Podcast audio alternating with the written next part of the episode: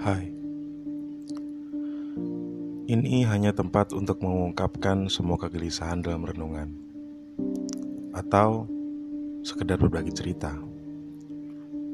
Selamat datang di podcast ini. Dengan saya Randy, mari berbincang.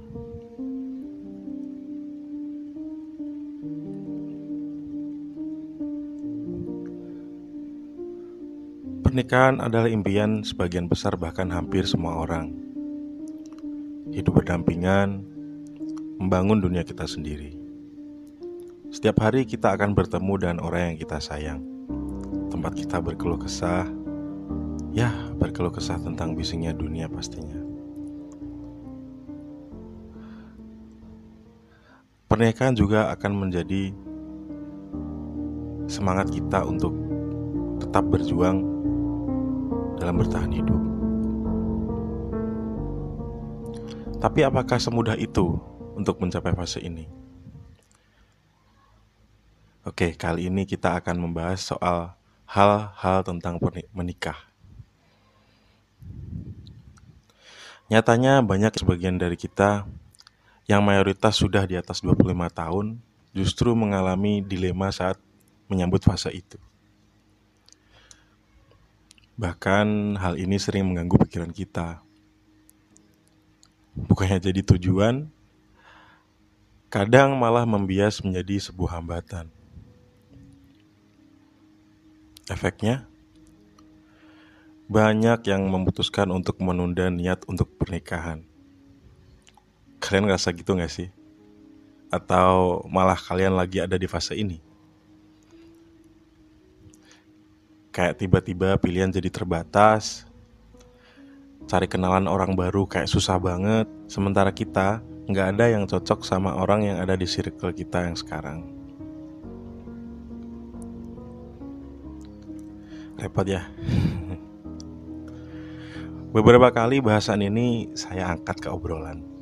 Ya dengan sahabat teman rekan kerja yang sekilas saya anggap mungkin sedang mengalami fase ini.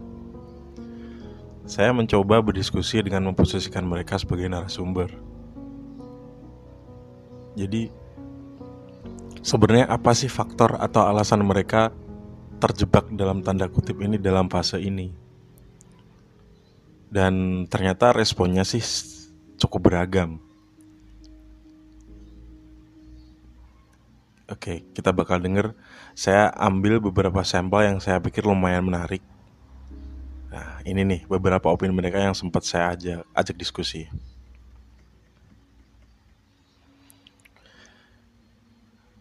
Dia bilang, e, ini narasumber yang pertama ya, teman-teman saya. Cowok nggak ada yang mbak, cowok nggak ada batasan umur katanya ya emang sudah menjadi rule nggak tertulis sih ya buat sebagian orang khususnya kalau kalian di fase umur 25 sampai 30 mungkin khususnya orang tua kita tuh masih punya eh, apa istilah paradigma ya paradigma yang sama. Entah itu di kota besar atau di second city atau di kota kecil. Kalau cewek tuh kayak ada batasan umur. Mungkin karena faktor biologis juga sih ya kira-kira. Kayak cewek kan ada masa subur gitu. Beda dengan cowok yang lagi leluasa uh, sorry yang lebih leluasa mau menikah di umur berapapun tapi sebenarnya menurut saya justru ini hal yang menjadi trap jebakan buat kaum cowok sebenarnya Ya karena karena uh, kita nggak ngerasa ada batasan umur, akhirnya kita jadi santai, kita lebih mungkin memfokuskan hal yang lain seperti itu. Ya, tapi teman saya yang jadi narasumber pertama ini menjawab seperti itu. Cowok kan banyak, cowok kan kayak nggak ada batasan umur, lebih ke kemapanan dalam tanda kutip sih yang dipikirkan. Nah, saya balik tanya kemapanan yang seperti apa yang dia maksud. Ternyata lebih ke menarget diri sendiri tentang harus sudah ada pekerjaan, tabungan, mungkin aset dan sebagainya. Dan kebetulan teman saya ini adalah anak sulung. Dia diperkuat uh, dengan argumen yang lebih condong ke memikirkan keluarga dulu, baru dia mikir soal pernikahan. Jadi kayak adik-adiknya harus selesai sekolah dulu misalkan atau mungkin rencana finansial untuk pendidikan adik-adiknya udah selesai semua. Kayak punya deadline tertentu yang dia bikin gitu. Nah, itu opini pertama. Terus opini selanjutnya dari narasumber kedua.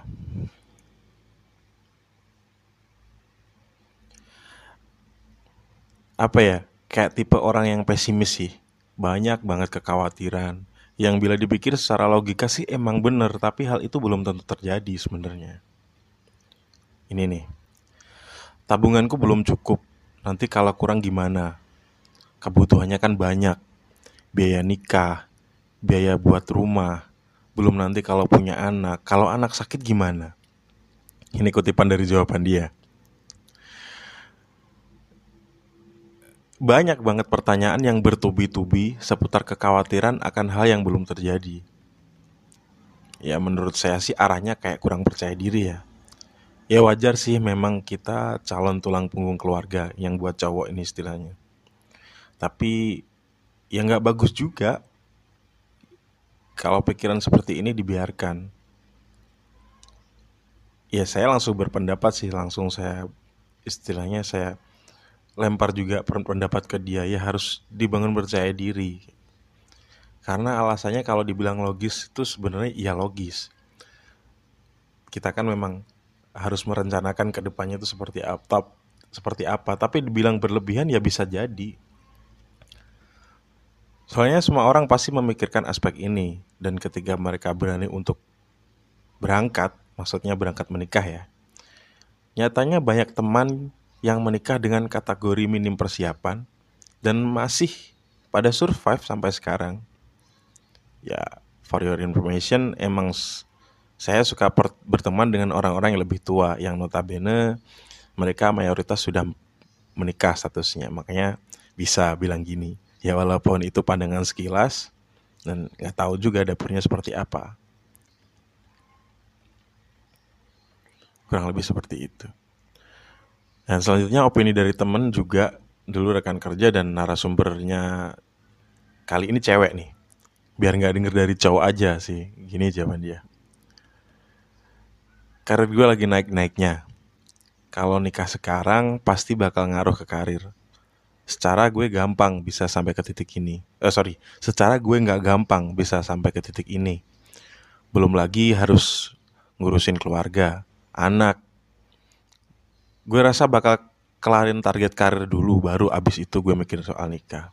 Nah, ini adalah sampel sebagian orang yang mendedikasikan, mendedikasikan tah, diri buat karir. Kalau dibilang gila kerja, bukan sih kayak ya emang ini bagian dari cita-cita sih kira-kira. Case kayak gini bisa kalau dibilang nggak baik, tapi kalau dibilang bagus juga bisa. Bingung ya. Jadi siapa sih yang nggak pengen karirnya bagus setelah bekerja keras, mengusahakan semuanya secara maksimal, secara total. Tapi eh, pernikahan itu kan juga hal yang penting kalau uh, kalau saya ngomong itu juga hal yang penting. Jadi ya tergantung sih melihat dari sudut pandangnya masing-masing sih. Dari sudut pandang karir atau dari sudut pandang e, pernikahan. Karena untuk sebagian orang yang tipe tipe tipe orang yang suka men, memang mendedikasikan diri untuk mencapai karir yang bagus ini dua-duanya ini sangat penting. Jadi nggak ada yang lebih penting dari dua ini sama-sama penting. Oke, selanjutnya ada uh, teman saya yang lain juga uh, saya kasih pertanyaan yang sama. Kenapa? Kenapa kamu sampai sekarang masih menunda pernikahan? Gitu. Nah ini jawaban yang lumayan uh, menyebalkan. Cuman sebenarnya kita pernah pasti, pasti kita pernah berpikir seperti ini.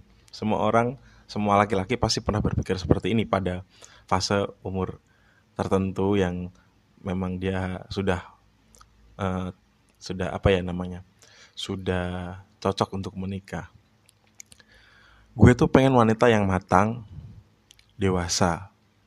Tapi kok banyak yang udah pada nikah ya. Dan yang belum nikah, gue nggak suka, kurang cantik. Dan banyak hal eh, alasan dia lah ya, untuk yang perempuan wanita matang dan dewasa ini. Aku terusin captionnya.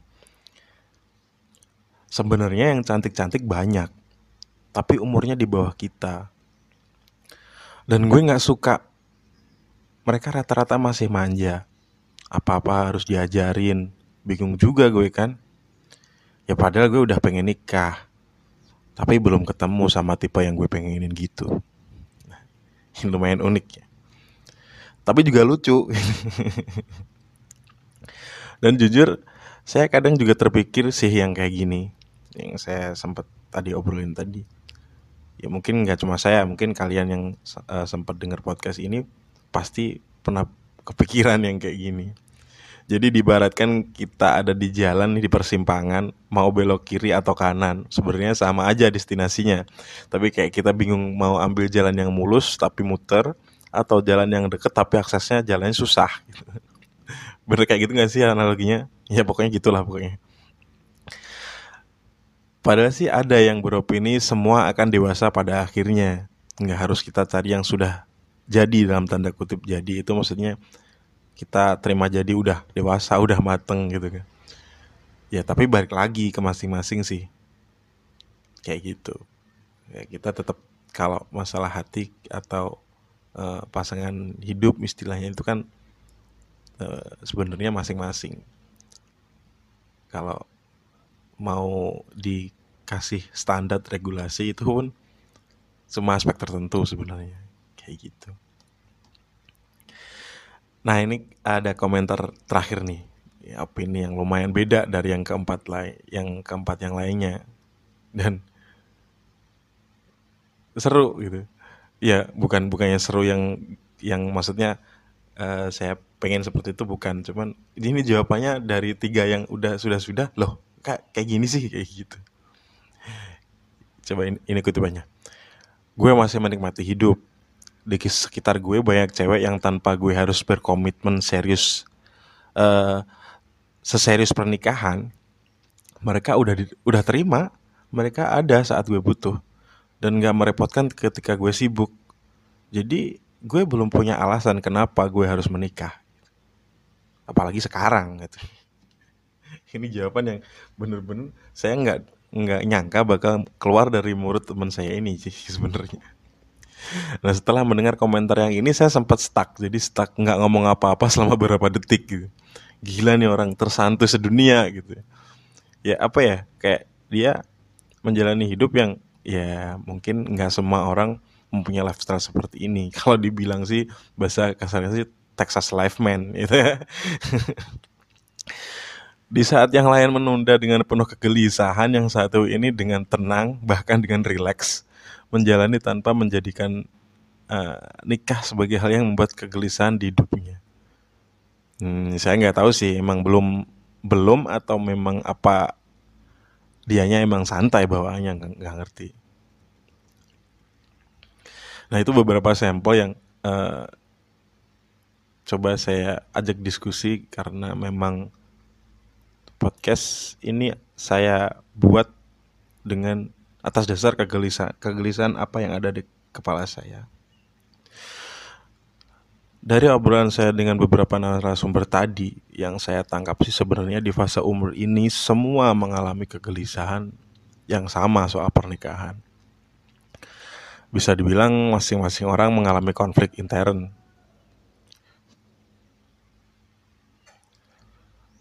konflik dengan diri sendiri. Tapi karena komitmen pernikahan adalah komitmen yang sangat serius. Dan cita-cita semua orang adalah menikah sekali seumur hidup. Kita cenderung sangat berhati-hati untuk menuju keputusan, oke, okay, saya akan menikah. Dan memang berbagai macam alasan yang disampaikan itu punya dasar yang kuat kalau di logika. Ya karena kembali lagi itu adalah privasi masing-masing Dan alasan menunda ini ternyata bukan melulu karena masalah hati, tapi malah pemikiran yang realistis dan logis yang menjadi pertimbangan. Ya bukan lantas eh, semua orang menunda pernikahan karena alasan itu pasti juga banyak yang mungkin karena masalah hati itu bahkan bahkan sebenarnya eh, kalau saya pikir sih selain alasan logis ini pasti pasti ada uh, ada sangkut pautnya sama hati juga gitu maksudnya. Oke, jadi gimana dengan kalian yang sudah dengar podcast diskusi opini ini? Uh, apa pendapat kalian atau kalian yang sedang uh, kalian yang sedang mengalami fase ini juga? Dan kira-kira apa nih alasan kalian? Coba uh, tulis komentar kalian di kolom komen posting ini. Kalau ada yang unik, nanti coba kita berbincang. Jadi kita coba uh, bikin hal tentang pernikahan uh, dengan part selanjutnya. Gitu. Oke, okay. mungkin sampai di sini dulu perbincangan kita. Semua yang ada di podcast ini adalah opini pribadi. Yang saya harapkan bakal banyak feedback dari kalian yang saya yang sudah mendengar agar kita bilang bisa saling sharing pengalaman dan opini dengan media podcast ini. Saya Randy di Podcast In. Kita berbincang lagi di podcast selanjutnya. Selamat beristirahat. Terima kasih.